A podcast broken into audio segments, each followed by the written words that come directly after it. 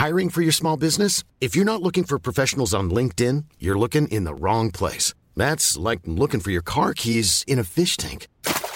LinkedIn helps you hire professionals you can't find anywhere else, even those who aren't actively searching for a new job but might be open to the perfect role. In a given month, over 70% of LinkedIn users don't even visit other leading job sites. So start looking in the right place. With LinkedIn, you can hire professionals like a professional. Post your free job on linkedin.com slash people today. Hey, it's Danny Pellegrino from Everything Iconic.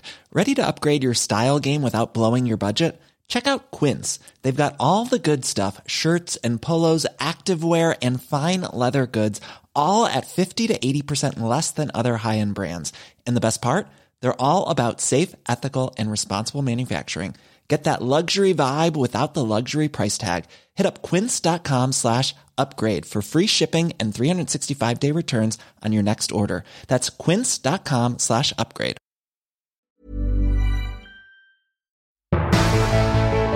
Er det drittpakker eller helt nødvendig politisk journalistikk når mediene fylles av små og store politiske skandaler rett før valget?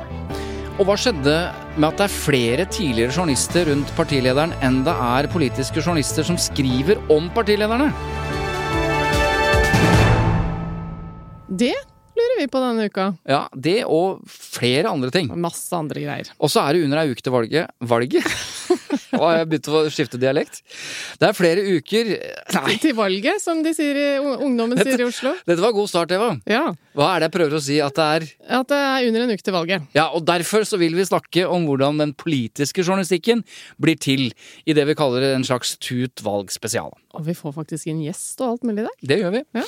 Jeg kan avsløre at det er en av de mer sympatiske politikerne jeg kjenner. Eller det vil si, han er ikke politiker lenger, da. For han, jo, han, han var politiker i mange, mange år. Greit, men da er det vel på tide med det vi har Runde over bordet. Trenger ikke å snakke om eh, det at vi pleier å kalle det rundt bordet og sånn. Nå Nei, nei. er det runde over bordet. Nei, Jeg hadde tenkt å si det med det, det riktige navnet. Vi har kalt det nå Over bordet. Ja. Ikke runde over bordet, for det blir, vel, det en- bare en blanding. ja. Enten så kaller vi det runde rundt bordet, eller så kaller vi det over bordet. Svein Tore, Jeg har en sak. hva har du tenkt på denne uka som har eh, gledet eller ergret deg? Ja, nå er jeg på ergring eh, da først, må jeg si. Og det er Jeg så en overskrift av, på, over et bilde av en dame, som jeg for øvrig eh, kjenner. Så da ble jeg liksom ekstra oppmerksom. Jeg jobbet med henne for mange år siden. Ja. Og, og så tenkte jeg wow! Overskriften var Huawei-toppen ble sparket i mammaperm. Hm. Eller Huawei, som det egentlig heter. Er det det det heter? Er det ikke Huawei? Nei, Huawei. Ja, det er jeg ikke så sikker på, men det er greit. Ok, Huawei-toppen, eller Huawei, ble Og dette er jo ikke noe moro, at hun ble sparket i mammaperm. Eh, og denne eh, Da spurte du meg eh, Ja. hvordan forstår du denne Hvordan saken. leser du den saken? Ja. Ja, Og da sa jeg jeg eh, leser det som at eh, hun har vært i mammaperm og fått eh, sparken fra Huawei. Ja, Fra disse kinesiske gigantene, for de skjønner jo ikke mammaperm. Tenkte, tenkte jeg at de ville at jeg skulle tenke, i hvert fall. Så så jeg etter hvert at den overskriften i andre sammenhenger, for dette er jo en sak eh, som, som et intervju med henne, og ble sitert i flere medier.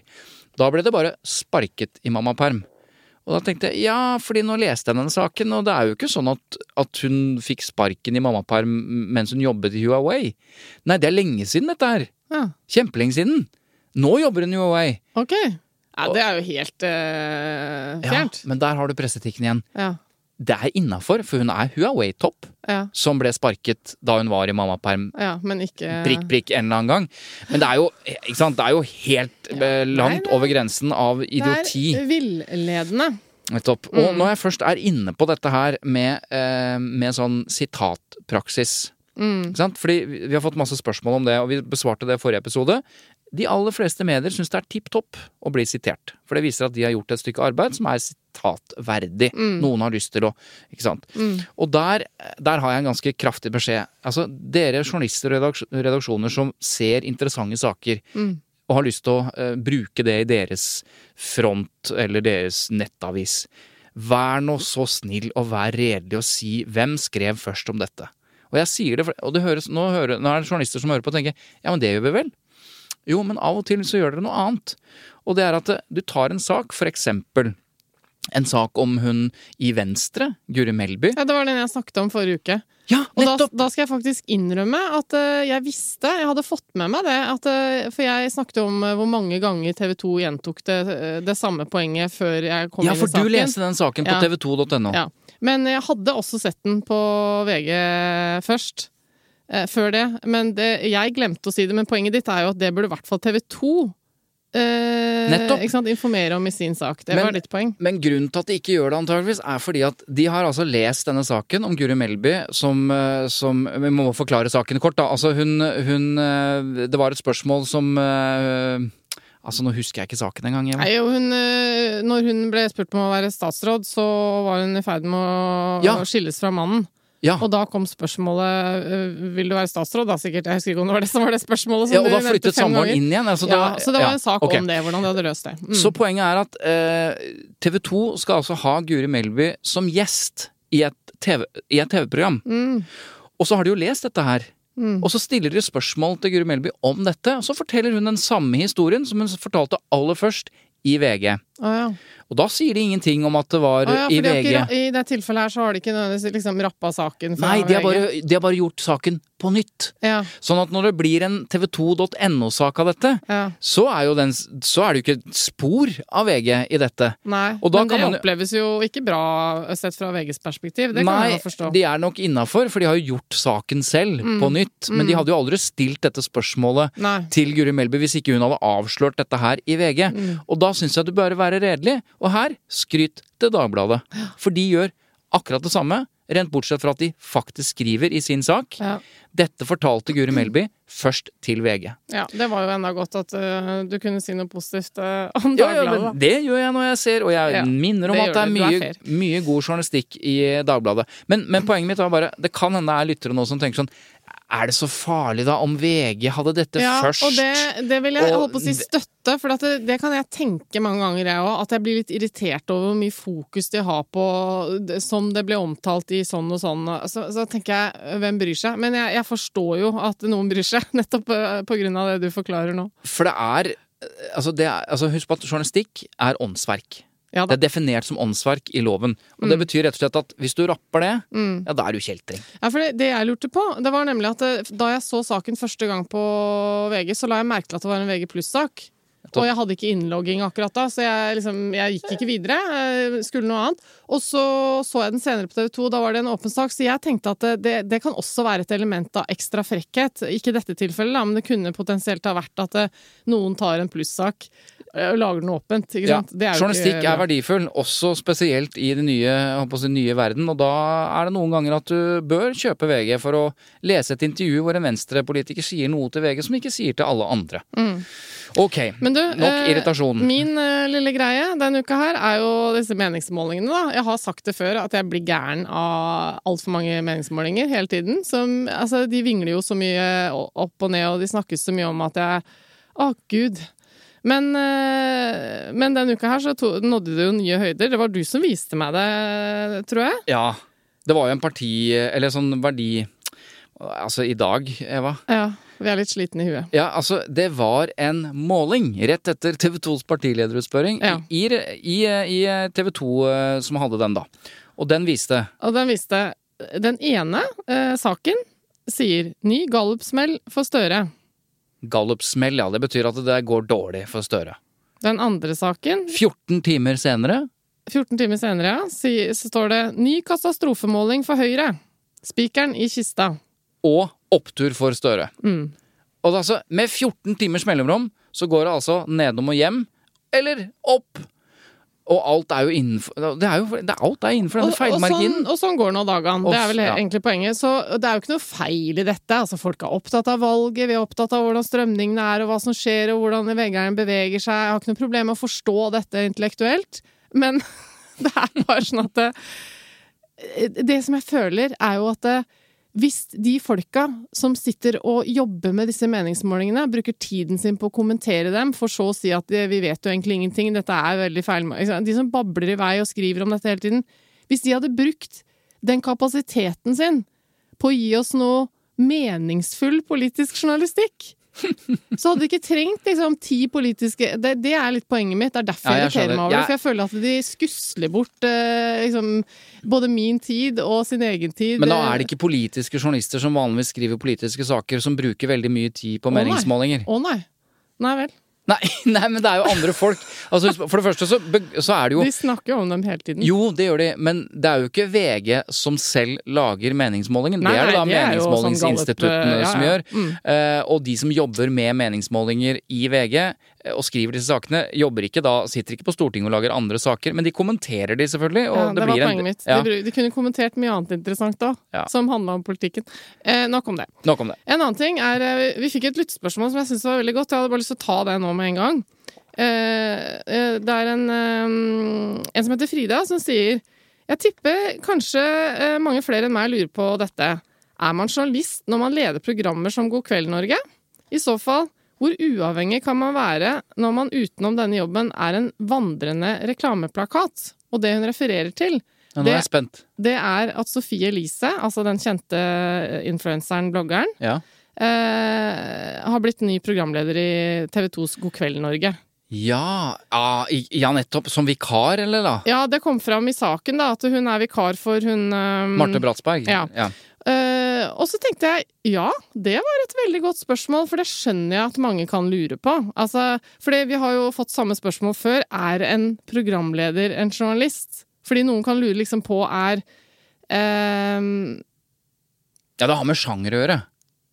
Ja, nei, ja, ikke sant? Du er Anne Lindmo journalist, det tror jeg folk skjønner at hun er, da, men det er en del programledere som er litt, litt mer i Ja. sånn grenseland. Er dette Ja, journalistikk, eller er det bare å lede TV-program? det er ikke så tydelig for folk at det er en journalist. Nei, og det er ikke tydelig for programlederen heller. For jeg er sikker på at hvis du hadde spurt, eh, stilt alle, eh, skal vi kalle det underholdningsprogramledere opp etter veggen, og spurt er du journalist, Mm, nettopp. så ville ikke alle svart at de var det. Mm. For de er jo nettopp flere av disse programlederne er jo rekruttert fra ulike de, For det første er rekruttert fra en hel haug av disse reality-programmene. Altså, Ja, nettopp. plutselig så er du folk programleder for det har- samme programmet som du Mats Hansen. Mm. Han er jo ikke journalist, han er er programleder for Farmen. Ja. Eh, ja, sånn at, men her, jeg er enig, her er det litt rart, fordi at God kveld Norge er jo et program et, et studioprogram med to programledere, altså Marte Brattberg, Bratsberg, Brattberg og han, han Ja, nå husker jeg ikke hva han heter, han eh, Ja, det er jo det programmet vi husker som Dorte Skappel sitt program, da. Bare sånn, ja, ja, men nå er det jo totalt endret. Ja da, men Ja. det er ikke alle som har fått med seg det. Nei. Blant annet jeg har ikke egentlig helt fått det med meg. Nei, jeg skjønner. Eh, det er to programledere som sitter og intervjuer for eksempel veldig mange sånne reality, og sitter og intervjuer Sofie Elise. Ja. og andre. Mm. Så det jeg skjønner man reagerer på nå, er jo at et, et, et av de hva skal vi si, fastintervjuobjektene, antar jeg, eller i hvert fall en som har vært mye i God kveld Norge, er nå programleder. Mm. Men jeg, ja, jeg tenker vel at de gjør det litt som en gimmick, da. Ja da. eh, Så jeg, jeg syns ikke det er så veldig overraskende eller rart. Og det er ikke så veldig at problematisk heller, Nei, kanskje. jo, men det som jeg syns er veldig godt med spørsmålet, er jo nettopp det at eh, hvis det står i varselplakaten, som det jo gjør, at eh, journalister ikke skal ha noen bindinger, ikke sant, de skal ikke ha noen problemer med å Altså, det er jo en generell regel for journalister. Ja. Eh, når det kommer til politikk, når det kommer til andre typer bindinger som gjør at det kan være vanskelig å være objektiv som journalist. Da. Og hvis man da sier at alle som er programledere i en eh, kanal som TV 2 eller NRK er journalister, så er jo dette et problem dersom eh, Sofie Elise har masse reklamekampanjer gående ikke sant, for et eller annet. jeg skjønner, Men, og jeg er enig i prinsippet. Jeg tror bare at eh, vi er way past that. Ja that point, liksom. Ja Men det vi kan si, da, er at det er veldig mange programledere som åpenbart ikke er journalister. Men, og her er det viktig, alt som skjer i God kveld Norge, eller i Farmen, eller i andre eh, Eller i, i radioprogrammet på P3, alt er omfattet av presseetikken. Mm, det er det. Sånn at uh, det, er jo det er jo det viktigste poenget. Hva de egentlig er og kaller seg, de som sitter i stolen, ikke så viktig. Men Svein Tore, Mm, ja, jeg har gjort jobben min. har du det? Ja. La meg tippe. Du har ringt til noen i TV 2. Ja, for så de kan få svare for seg. Ja, det er bra. Det heter samtidig imøtegåelse. Det er Ja. ikke sikkert at det hadde vært påkrevd, men jeg tenkte nå det var greit, da. Ja, at det kunne få svare selv. Ryddig gjort. Sofie Elise jobber som programleder i en begrenset stilling i TV 2, hvor hun har en mindre stillingsbrøk. Det er derfor helt naturlig at hun har andre inntektskilder, blant annet gjennom sponsede innlegg i sosiale medier. Vi har selvsagt et stort fokus på at ingen av samarbeidspartnerne skal komme i konflikt med den redaksjonelle jobben hun gjør for oss. Hilsen Jan Petter Dahl, pressesjef i TV 2. Det kom veldig raskt og profesjonelt, det svaret, må Ja. sies. Kanskje, var, kanskje ikke var Jan for- Petter? Kanskje var, Skjedde for 20, 20 minutter siden. kanskje det var en sånn chat-robot som svarte Ja, kanskje automatisert? Det var, kanskje det var det.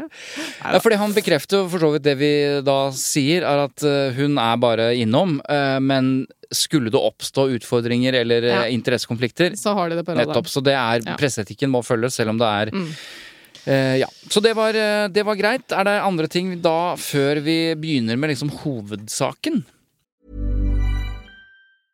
Ready to pop the question? The jewelers at BlueNile.com have got sparkle down to a science with beautiful lab grown diamonds worthy of your most brilliant moments. Their lab grown diamonds are independently graded and guaranteed identical to natural diamonds, and they're ready to ship to your door. Go to BlueNile.com and use promo code LISTEN to get $50 off your purchase of $500 or more. That's code LISTEN at BlueNile.com for $50 off. BlueNile.com code LISTEN. Hey there, it's Michelle Norris. I'm host of a podcast called Your Mama's Kitchen. When I travel, I'm usually looking for a way to find a taste of home when I'm not at home. And one of the things I love to do when I am at home is entertain. And Airbnb allows me to do that. When I was in California recently, I rented a house that had a great kitchen. And when we were sitting around the table, we're all thinking, we're in someone else's house. Someone could be in all of our homes as well. If you have a home, but you're not always at home, you have an Airbnb. Your home might be worth more than you think. Find out how much at airbnb.com/slash host. Har vi, har vi tatt opp alt vi trenger å ta opp i, eh, i elevrådet, holdt jeg på å si? Jo, vi har jo fått en del lytte, altså flere Ja. Lyttespørsmål ja, det, etter forrige ukes episode om den eh, Sigrid Bonde Tusvik-podkast tominutteren. Mm. Ganske mange, faktisk, som har stussa litt eh, i ulike retninger, for så vidt, da, eh, over den saken. Men det er et som jeg har merket meg ved, og det var eh, en som skriver etter saken om Bonde Tusvik lurer jeg på hvordan defineres egentlig offentlig interesse i varsomplakaten?» Det er forklarende når det presiseres at det er noe annet enn offentlig interesse, men jeg syns lista blir lagt veldig høyt når det sies at det nesten kun er kongefamiliens privatliv som har offentlig interesse. Jeg som ikke har pressebakgrunn, ville nesten tenkt at en sak automatisk får offentlig interesse når de omtaler personer med så mange følgere i sosiale medier som for eksempel Sigrid Bonde Tusvik. da. Jeg tror det skulle være et, et, et, offentlig nysgjerrighet inne der. At det var forskjell på Ja. det. Men jeg skjønte poenget. Og så øh, trenger vi å snakke noe mer om den saken, men jeg syns det er et veldig godt spørsmål, fordi dette veit jeg at mange syns er vanskelig. Mm. Eh, og det syns jeg ikke er så rart, fordi at jeg som har jobba i veldig mange år med presseetikk fordi jeg har satt i dette Pressens faglige utvalg, jeg syns fortsatt det er litt vanskelig å svare på. Ikke sant? Fordi at Ja, eh, hvis noen svar, hva, Hvem definerer hva som, eh, hva som har offentlig interesse? Så er jo mitt beste svar at eh, eh, det gjør egentlig da redaktøren i avisa. Og det er mange av de. det er ikke noe sted det er nedfelt eh, hva som er riktig, ikke sant? Nei.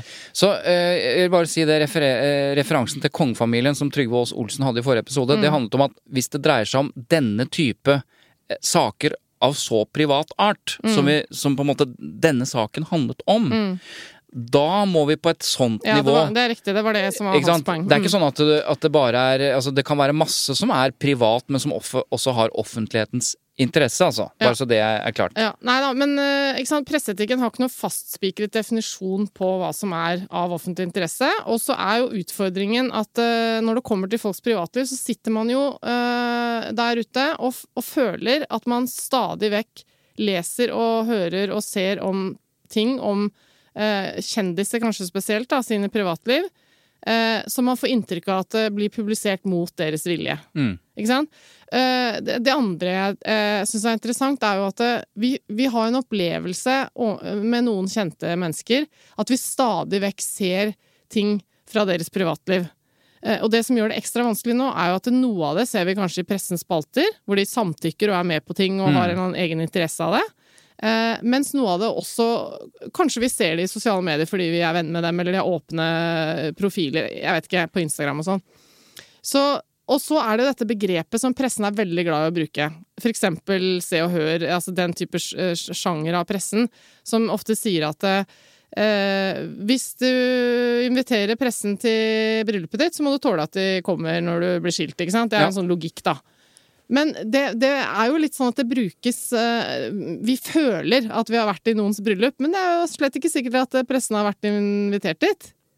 Skjønner du hva jeg mener? Ja, ja, jeg skjønner hva du mener. Det, sant? Jeg skjønner at dette er vanskelig. For å bare forsøke å oppsummere fra, fra mitt ståsted, da, og da snakker jeg vel liksom primært som tidligere journalist, og det Mm. er at det er enhver redaktør som bestemmer hva som er offentlig interesse. Altså, Det betyr at du kan få veldig mange forskjellige vurderinger. Mm. I denne saken som vi snakket om sist gang, så var det jo som vi sa to aviser, bare to, Mm. som valgte å publisere dette. Og de trakk det etterpå. Ja, det er litt spesielt, faktisk, for Ja. de har trukket sakene, og det Ja. gjør pressen ytterst Og de sa sjelden. dette var feil. Mm. Det betyr at i denne saken så har alle redaktører, når de, når de har fått tenkt seg om, valgt å ikke publisere. Det er et godt tegn på at, eh, i hvert fall sett fra mitt ståsted, at dette var nok ikke riktig å publisere, for Nei. alle redaktører har gjort den vurderingen. Og så skal jeg si bare en kort annen ting.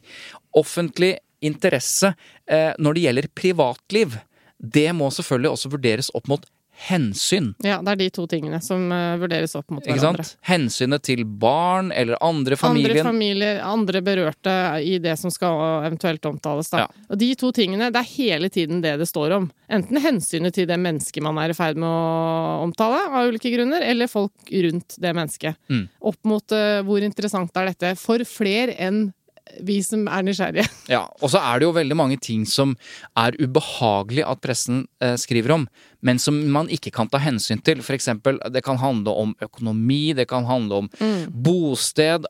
Begge de delene er eksempel offentlige, selv om det føles privat. Eller at hvis to går fra, fra hverandre, altså velger å gå fra hverandre, det er jo en privatsak, men allikevel offentlig, i den forstand at det er to mennesker, og hvis de er kjente, og derfor har offentlighetens interesse, ja, så har det offentlighetens interesse at de faktisk ikke er sammen lenger. Og kanskje spesielt hvis det er profilerte politikere som tidligere har liksom brukt forholdet i offentlige historier. Altså, ja. Ja, sånn Men at, eh, det ja. jeg tror vi skal si, eh, som kan, være, som kan hjelpe til å rydde opp litt, er at eh, når det kommer til sånn brudd og den type ting, da, så tror jeg nok vi kan si med ganske stor. Kjærestebrudd. Ja. Eh, med ganske stor sikkerhet at eh, der starter eh, vurderingen med barn. Er Mm. det noen barn her som må hensyntas? Det tror jeg liksom er en sånn veldig rask, eh, rask instinkt, da. Og eh, hvor tidlig er det? Ja, For når du leser om folk som har gått fra hverandre, så har det jo sikkert vært mye privat før de har gått fra hverandre. Altså grunner til at de går fra Mm. Ja. hverandre. Men husk, du leser jo først når de har gått fra hverandre. Så det er også en vurdering. Altså når er det du skriver er om ting? de rundt dem informert, ikke sant? Eller er dette, Ja. blåser vi dette for eh, familiemedlemmer og sånn? Ja. Ok, men Mm. da, har vi, da har vi virkelig svart på spørsmål. Da er det vel på tide ja, men du som stilte spørsmålet, du må gjerne stille et oppfølgingsspørsmål hvis det ikke ble klart nok, for jeg har respekt for det, ja, at det er vanskelig. Ja, skal de få flere muligheter til å stille lyttspørsmål? Ok. Da har vi kommet fram til uh, gjesten vår. Det har vi. vi. Mm. -hmm. Det er altså en som var stortingspolitiker i mange år. Han har vært både kunnskapsminister og miljøvernminister. Jobbet ved statsministerens kontor. Nå er han direktør i Norad og ser politikken eh, mer på avstand som svært eh, samfunnsengasjert. Bård Vegar Solhjell, velkommen til Tut og Mediekjør. Tusen takk, veldig hyggelig å være her. Ja, hva vet du egentlig om det? Jeg hører, jeg hører på dere av og til. Det høres hyggelig ut. Det er vel det lille referansepunktet. Ja, men det er det. det, er det. Skal kanskje ikke skremme folk med en gang, Eva. Nei. Nei, det er hyggelig, eh, og vi har jo deg med nå for, altså, Jeg skal si, og det er ikke sikkert du syns det er så hyggelig Vi prøvde å få tak i noen eh, ekte politikere. Nei, men altså noen som eh, Men vi, altså, vi prøvde oss på noen som, eh, som eh, jo er aktive politikere, men det naturlig nok fikk vi nei. Fordi det er noe som heter valg om ikke så lenge. En annen ting er jo at de som er eh, i aktiv eh, tjeneste som politikere, de har en tendens til å snakke veldig generelt, og de gir ikke ordentlig ekte kritiske svar på ting og sånn. Akkurat som eh, mediene også er le- le- lettere å få ordentlige ting ut av når, de, når journalistene har slutta. Ja, det er helt riktig. Og så klarer man dessuten aldri å legge vekk agendaen sin ei uke før valget. Nei. Så da sitter man bare, uansett hvor man er, Ja. så sitter man liksom prøver bare å spinne eller liksom frame ting sin Du, vei. kan vi bare starte der? For jeg så på partilederdebatten. Og da er det sånn Den på TV 2? Ja, på TV 2 den siste. Og så er det sånn, som var mye bedre for øvrig enn den forrige. Nei. Mm. Men, eh, og så er det sånn, du spør om noe, et ja-nei, et avklarende spørsmål, og så er det jo sånn at enten du heter Trygve Slagsvold Vedum eller hva, så sniker du inn disse snakkepunktene dine. Denne, ja, og, og sånn, og vi skal gjøre det sånn, og da, da får vi ikke en de- sentralisert regjering og sånn. Og så, og så tenker jeg, er det bare jeg, fordi jeg har vært i gamet lenge og vært liksom Å Det er i så fall én dumt til, og det er meg. Nettopp! Ja. Det høres altså så infernalsk dumt ut når de prøver å presse dette inn. Og du har jo vært der. Du har jo stått der og snakket på den måten. Kan du forklare liksom logikken i dette? Fordi det høres bare dumt ut. Ja, altså, jeg tror jeg, tror jeg kan forklare det. Jeg, tror kanskje mange som oss opplever det sånn, jeg òg. Ja. Altså, når jeg sjøl var politiker, så sleit jeg veldig med det der. Å bare gjenta og gjenta det samme igjen og igjen og igjen og sånn inn i evigheten. Men det var jo regna litt som en svakhet, fikk jeg av til høre. Er det liksom å stay on message, sant? Ja, det var en svakhet at du ikke likte det. Ja, Ja. eh, og, og, og det tror jeg er fordi altså, du må liksom du må, altså, du må gjenta det, som en eh, politikerkollega mi sa, du må gjenta det helt til du spyr av det sjøl. Da har liksom de siste 20% kanskje fått det inn. For du sånn, man snakker ikke til dere to eller til meg, da, kanskje man, vi snakker for å nå veldig bredt ut i velgermassen. Ja. Og da er nok det å, å klare å gjenta og få mange partier til å gjenta akkurat det samme igjen og igjen, en viktig egenskap. Men eh, de som fikk det med seg på første forsøk, da. eh, hva er det du tenker eh, om hva de føler når du hører det for tiende gang? Nei, altså det blir Altså, jeg, jeg var Jeg ble så lei av mine egne resonnementer. Jeg, jeg, jeg, jeg søkte alltid variasjon. Og det, Hva kunne, du gjør si, hva kunne du si for, Unnskyld. Hva kunne du si for eksempel mange ganger? Husker du det? Har du glemt det, eller husker du hva du Nei, terpet på? Eh, altså, eh, vi skal eh, redusere forskjellene og kutte utslippene og sånn, sånn, Det sånne Ja, sånn- standardformuleringer som har vært i ulike eh, mennesker like muligheter, sitter veldig spikra Ja. eh, og mange sånne ting. Eh, og, og jeg tenker at de eh, Særlig altså der du bruker det utallige ganger, og som ikke man hører, er alle de småtalene og innleggene du holder rundt omkring hele Norge. Ja. Dagens toppolitikere har kan ha sagt hundrevis, ja, tusenvis av ganger en del formuleringer. Men Det, det jeg sjøl òg syns er litt rart, er det med TV-debattene og de store settingene. Ja. Og der, er, der er, tror jeg du ser også at det er litt forskjell på politikerne. Noen er ikke Noen har ikke den stilen. De, de går dypere inn i lengre resonnementer, trives best med det. Hvem da? Nei, det er klart altså, Begge statsministerkandidatene vi har nå, er jo Ja. den støpningen, da, vil jeg si. Sant? At kanskje kan du kjenne igjen en formulering, liksom en, en enkel ting, men de, de resonnerer over tid, og syns jeg i hvert fall begge er best sånn. Ja. Så har du kanskje andre politikere som er veldig sterke på den gjentakelses... Altså ta Trygve Slagsvold Vedum, da. Han syns jeg er uh, Altså, jeg tror det er på en mange måter en styrke, og en enorm styrke, i at han over år har klart å ta noe som kunne vært lite og litt sånn perifert, distrikt liksom mot Oslo, og så klarte han å lage det til en slags hoveddagsorden og gjøre det veldig knytta til han. Så er det kanskje da litt forskjell òg. Et lite parti må kanskje være enda flinkere enn et Dette- parti. La du merke til det som skjedde nå, Svein Tore? At han sa begge statsministerkandidatene, og så etterpå så kom Trygve Slagsvold Vedum i, Ja, men i altså, det er jo ingen som seriøst Nei, vurderer Trygve.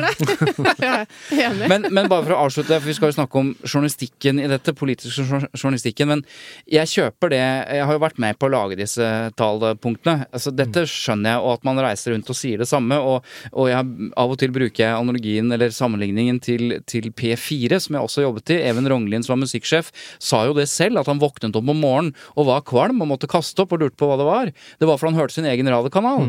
Fordi han hørte det samme Ja, men han hørte liksom den samme låta. Og det var da han, da han begynte å bli kvalm av Kurt Nilsen, da satt den låta. Men nyansen her er at jeg skjønner at man må gjenta budskap for å forstå hva partiet står for, men i TV-debatten i en og samme debatt hvor du får et spørsmål om noe annet, og du kommer med hele landet og distrikt Altså, du kommer med disse Da mener jeg de fleste, og du trenger ikke være spesielt intelligent eller oppvakt eller lyttende for å skjønne at det der hadde du ikke trengt. Nei, Så jeg bare Jeg mener at de må slutte med det, da. Det er vel egentlig Jeg skjønner det, og kanskje, kanskje særlig på de i hermetegn litt tunge flatene, ta sånn politisk kvarter, da. Sant? Så har jeg òg noen ganger tenkt på det. Hvorfor, hvorfor gjør du det igjen, liksom, der, på en måte? Ja, de som hører på Det- dette her. Ja. Men, Ja. men jeg tror det er altså, litt er det innøvd, eller er kanskje også, kan det, i noen settinger kan det være en, en strategi for å vri. Sant? Ofte gode journalister stiller jo de vanskelige spørsmålene, trykker på de punktene som er litt tøffe. Og det mange gjør, det er at de kanskje er de, de svarer to ganger, så trykkes det igjen, og da er svaret kort. Og så går du til noe annet. Ja, i om bridger, som de sier. Ja, Ja, at vi blir der, istedenfor det vanskelige. Ok. Men ja, det er da jeg bytter radiokanal om morgenen, for jeg orker ikke å høre på det. Kanskje noen burde måle det, liksom.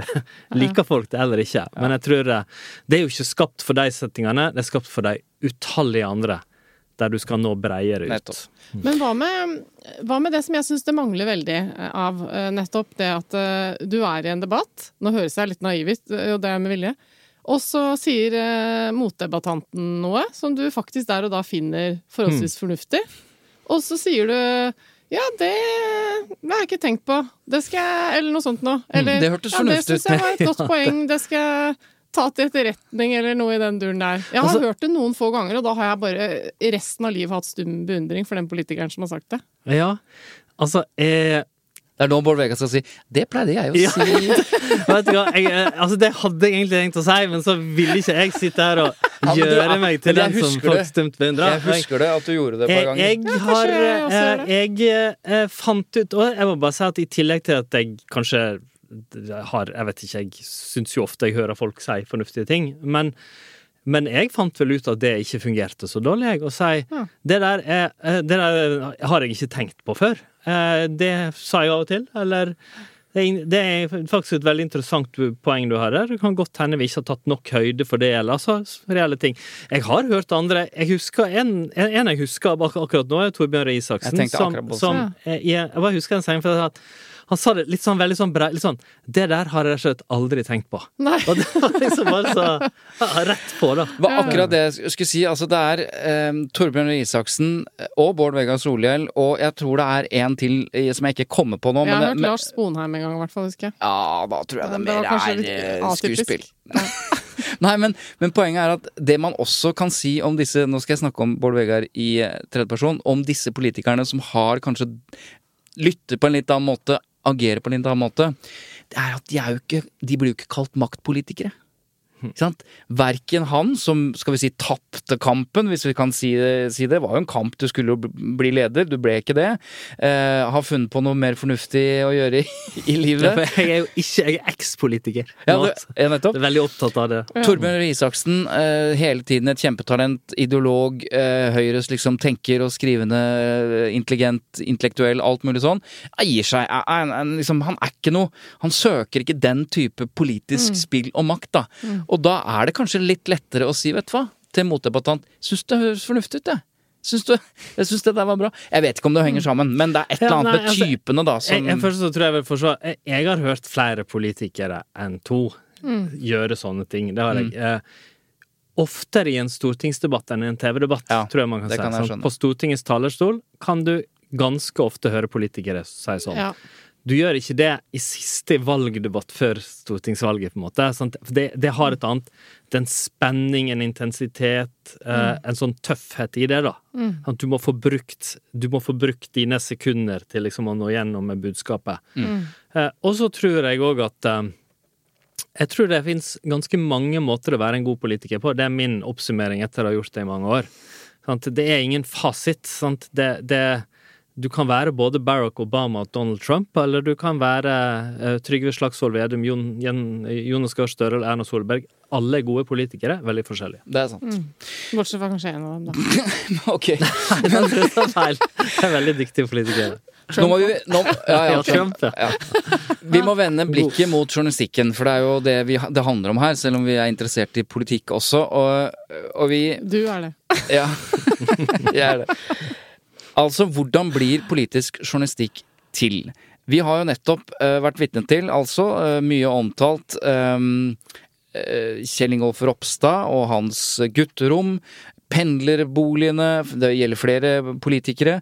Um, det er flere Det er ganske mye trøkk nå mot enkeltpersoner og enkeltsaker opp mot valget. Eh, og du trenger ikke være konspiratoriker engang for å si dette er beleilig, dette er timing, dette er drittpakker mot politikere, helt bevisst. Jeg vet veldig godt hva jeg mener om dette, men jeg tenker eh, rundt bordet her nå, hva, mener, hva tror vi om de, disse tilsynelatende timede journalistiske eh, sakene. Hva tenker du? Altså, jeg, jeg tror eh, det som oftest ikke det er det man vil karakterisere som en drittpakke. Altså ekstremt kynisk og bevisst planta. Mm. Eh, Derimot så tror jeg at de fleste sånne saker, nå har vi hatt et par sånn til den valgkampen her, siste årene har det vært hvert valg, som oftest så tror jeg de starter med en form for tips. Skjønner du? At, altså, de, de starter ikke med journalist, i journalistens hode. Det kan starte med sånn som den saken nå om, st øh, øh, om stortingsleiligheter. Mm. Eh, uh, tipper jeg starta med en form for tips. Det kan være fra noen som jobber på Stortinget, eller noen rundt en eller Ja, det mener jeg til og med jeg har lest at det var. Ah, ja, ja, Ja, ja, det har ikke jeg fått med meg. Jeg tror det. Men er det en dritt, skjønner du? Er det dermed planta av noen bevisst? Men Det trenger det absolutt ikke være. Mm. Um, det kan være en som bare har rettferdighetssans, eller syns noe er urimelig, eksempel. Men må det komme fram nå rett før valget? Det er denne timingen som Ja, folk liksom eller hvis, reagerer på. hvis jeg jobber som kommunikasjonsrådgiver for en motstander, da, eh, og vet akkurat eh, hvor lang tid en redaksjon vanligvis bruker på å grave fram nok detaljer til å kunne publisere noe, så timer jeg det sånn at det liksom det kommer tidsnok eh, før valget, men ikke tidsnok til å finne alle de andre som har gjort akkurat det samme, for eksempel. Ja, sant. Altså, eh, at, at, man, at man prøver Altså at mange prøver å fortelle ting de hører om, om sine motstandere, Mm. det du kan kalle drittpakke, det er jeg ikke i tvil om. Noen av dem blir sikkert òg en sak i valgkampen. Men journalister sånn jeg kjenner dem, da, eh, har veldig sånn høy integritet og påpasselighet. For eksempel noe de får fra en politisk motstander, Mm. Det vil jeg være uhyre forsiktig med. Da vil jeg, tenke, da vil jeg være Mm. veldig skeptisk til å starte. Uh, og det kan fort òg slå tilbake igjen. Uh, at det skjer, helt sikkert, altså. Mm. Men jeg tror det er vel så vanlig at det kommer fra andre steder. Og så er det, nå er det ting som dukker opp i valgkampen. Men husk, det kommer jo skandaler utafor valgkampen òg. Sant? Mm. så, det, så jeg syns ikke den valgkampen her har vært spesielt skandaleprega. Nei, det er jeg Jeg, enig jeg syns heller at hvis jeg, hvis jeg ser en sånn utviklingstrekk jeg har observert, det er kanskje sånn 10-15 årene da jeg var aktiv politiker på det, liksom et visst høyt nivå, så var det at andelen dekning av skandaler i den politiske journalistikken generelt gikk litt opp. Det ble litt mindre policy, Mm. og litt mer sånn ting som skjer i the polity, for å bruke engelsk, altså i, i spill, i, i institusjonene, og skandaler om enkeltpersoner. Og mitt tips er at det handler om to ting. Litt om at det, det får mange flere tips om ting, og så videre. Det er mye mer gjennomsiktig, kanskje? Ja. Mm. Og det andre er kanskje at hvordan journalistikken er. Sant? De som jobber med politisk journalistikk i dag, det er noen få i hver redaksjon, bortsett fra sånn store NRK og sånn. Mm. De er, de er mest eksperter på sjølve politikken. Sant? De går på Stortinget, de kjenner alle i og rundt. De er på en måte eksperter på aktiviteten politikk. Mm. Mer enn på saker. eh, Klima eller Afghanistan eller hva det er. Ja. Det tror jeg drar Men- det opp. Fortell litt om det. Altså, hvordan journalistikken blir til, politisk journalistikk Mm. blir til. Eh, Dere rusler rundt i gangene, og der er det journalister og politikere som går ved siden av I hverandre. skjønn og- Ja, og liksom virker som kompiser nærmest, og prater om det ene og det andre. Hvordan foregår dette her? Nei, det er som du sa. Det går rundt. Men det er helt sant. Journalister går rundt på Stortinget. En gang satt to stykker på kontoret mitt bare. Kom inn liksom og venta. Altså, det, det, det er en journalistisk metode som er ganske mye brukt. Være i stortingsrestauranten, gå rundt i For gangene. der er det et eget pressebord? Ja, det er liksom- Eh, ja, det er vel ikke et eget Jo, det er det òg, det er et eget pressebord, Mm. men i tillegg så kan de sette seg ned og liksom snakke med andre. Mm. Eh, mange går jo innom Husk at eh, mange av kontorene som eh, representantene har, er ganske lett tilgjengelig for de som har adgang til eh, Stortinget av journalister. Mm. Eller de går på steder og settinger der politikeren er, og møter det der, så videre. Ja. Du, bare for å rydde opp én ting, så Ja. Tore, forklare de politikerne som har adgang Nei, journalistene som har adgang, sier du. Altså presselosjen. Ja, ja, det er ja. Presselosje. Ja. Eller Storting, Bare ikke sant? så Du er, eh, ja, det er, eh, det er en gjeng som driver med politisk journalistikk, og så får du akkreditering, da, hvis man kan kalle det, Så du har sånn kort som henger rundt halsen Ja, så du kan med gå- navnet ditt på? Du kan gå da inn og ut av uh, Norges nasjonalforsamling Ja. som om du skulle jobbet der. Ja. Fordi det er det de gjør. De jobber der. Mm. Så da har de et kort som som gjør at de bare kan vise det. Gå inn, sette seg i restauranten. snoke i skuffene til Ja, og du fortalte til og med at det, at de satt, at det satt to journalister på kontoret Ja, ditt altså, en gang. en gang så gjorde det det. Jeg kom ned, og så hadde de da døra Jeg, jeg lot som oftest døra på kontoret stå åpen, sånn for å oppbevare for eksempel ikke dokumenter på en måte som gjør at man bare kan tas. Mm. Da satt de der og venta på meg, for de dreiv og sydde sammen en sak og snakke med Ja. mange forskjellige, så har bare slått seg ned, da. Hvem var dette? Det, det har jeg ikke tenkt å si til dere nå. Men det var to Jeg tror det er to stykker. som ofte Ja. i tospann? Eller jobbet i tospann? Ja, det vil ikke jeg eh, kommentere, Som Tore. Det, det, det, var to, det var to journalister. Men jeg, jeg får lov til å Hvis jeg kan, så Ja.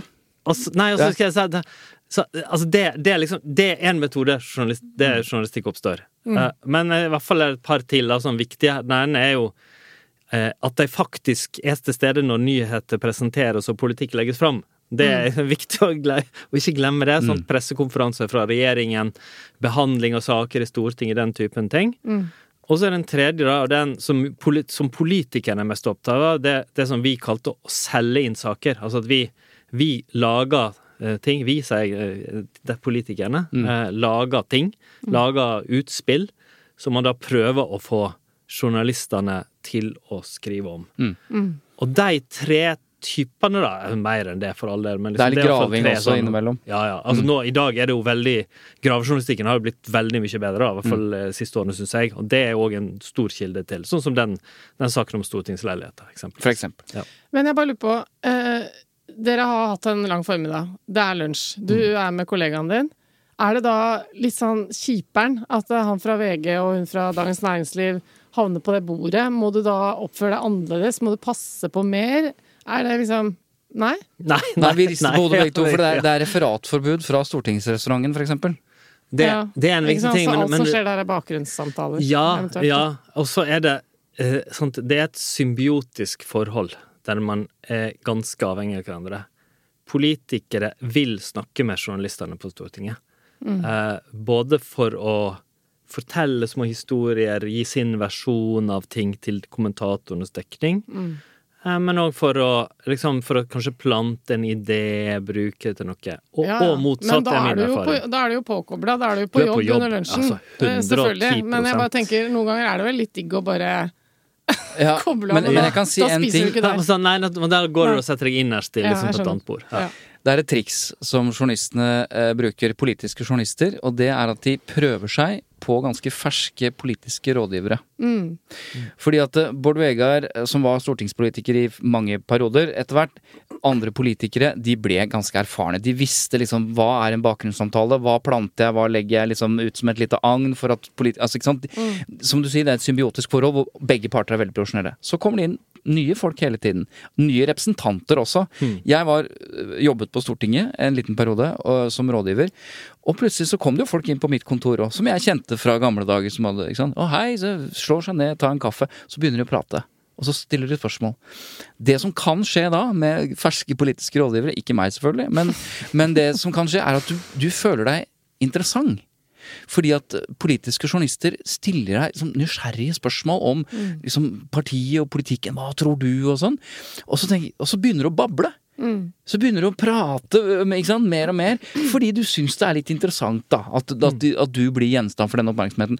Og da kan det plutselig være at politiske rådgivere og andre som jobber i administrasjonen, da, eller i sekretariatet til partiene, forsnakker seg og sånn, og da er det også Så legger politikerne sammen en bit der og en bit der, og plutselig har det en del såkalte kilder rundt partilederen, eller hva det måtte være. Ja, sånn som- som man ofte leser. ja, Så det er også en måte journalistikken blir til. De prater veldig mye og er veldig bevisst den Jeg vet ikke om du kjenner igjen det, men det er ja. Du snakket jo om det som du hadde opplevd det sjøl, og det, Ja da, det, det er godt, be, godt beskrevet. Altså, jeg, jeg, jeg, jeg husker jeg var mm, litt sånn yngre UF-en sjøl, så hadde altså lekkasje, da, som òg er en veldig sånn kilde, sant, eller veldig stor ting i politikken. Da hadde jeg en følelse av at tenkte jeg ofte at det var sånn kynisk og styrt og veldig bevisst og sånn. Mhm. Gradvis. At jeg, jeg tror de fleste lekkasjer kommer på, av, på den måten. ja, Hvor du ikke vet at det er du som er uerfarne lekkasjen. Som føler seg interessant Ja. ved å snakke med en journalist. Mm. Og så har man først, vet man først Flinke journalister, de ringer mange, og så syr de sammen et bilde av det. Sånn som når, det, når en ny regjering utnevnes, sant.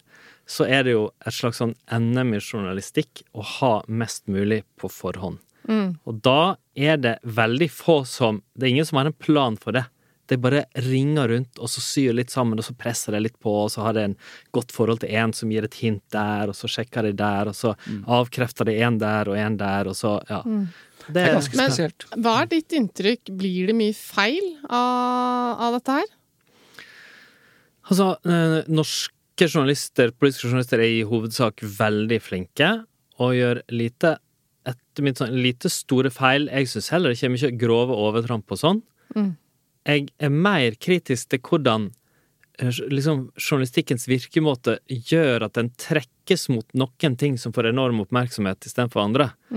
Sånn som, sånn som det at journalistikken eh, rundt skandaler eller enkeltpersoners feil og sånn har blitt så dominerende i politikk i forhold til veldig mange store ting som man skulle tro. Altså, I den valgkampen her, da. Det største som har skjedd i valgkampen, er jo sammenbruddet i Afghanistan. Det er jo en enorm global hendelse. Og Norge var der i 20 år. Det har vært en stor politisk hendelse. Det har nesten ikke prega den politiske Det er helt utrolig. Uh, og det Sånne ting syns jeg Altså at ikke, uh, at ikke det i hvert fall er noen redaksjoner der som sterkt gjør det til politikk, det syns jeg er underlig i forhold til plassen en del annet får. Før jeg glemmer det. Vi startet jo litt med drittpakker, som det blir kalt, eller godt tima saker. Jeg har lyst til å bare si en ting. Både som tidligere journalist, og i og for seg som politisk rådgiver, men også fordi jeg hørte på Trine Eilertsen eh, nå nettopp, eh, som svarte veldig tydelig på dette.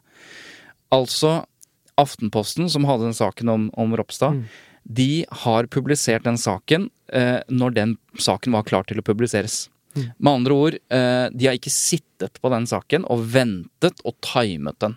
Det sier hun helt tydelig. Jeg tror hun snakker sant. Jeg tror ikke eh, redaktøren i Aftenposten sitter og ljuger om det. For da er det mange som hadde visst at hun hadde, at hun hadde løyet.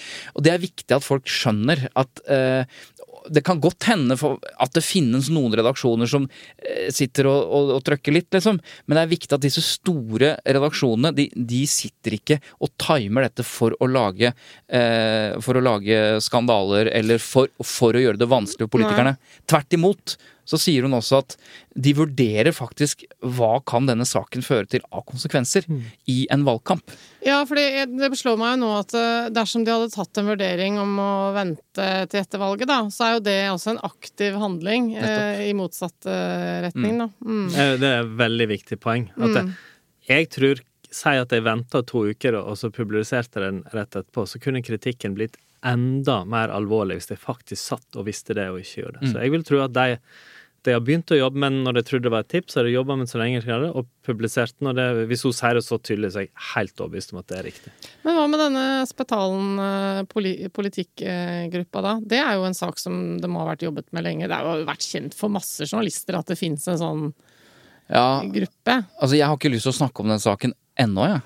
Fordi at kildene mine sier at det kommer mye, mye mer. Uh, og i, det, i denne, både i denne sjangeren, men også i denne saken. Uh, jeg syns jo de Altså, jeg syns Dagens Næringsliv gjorde en god jobb.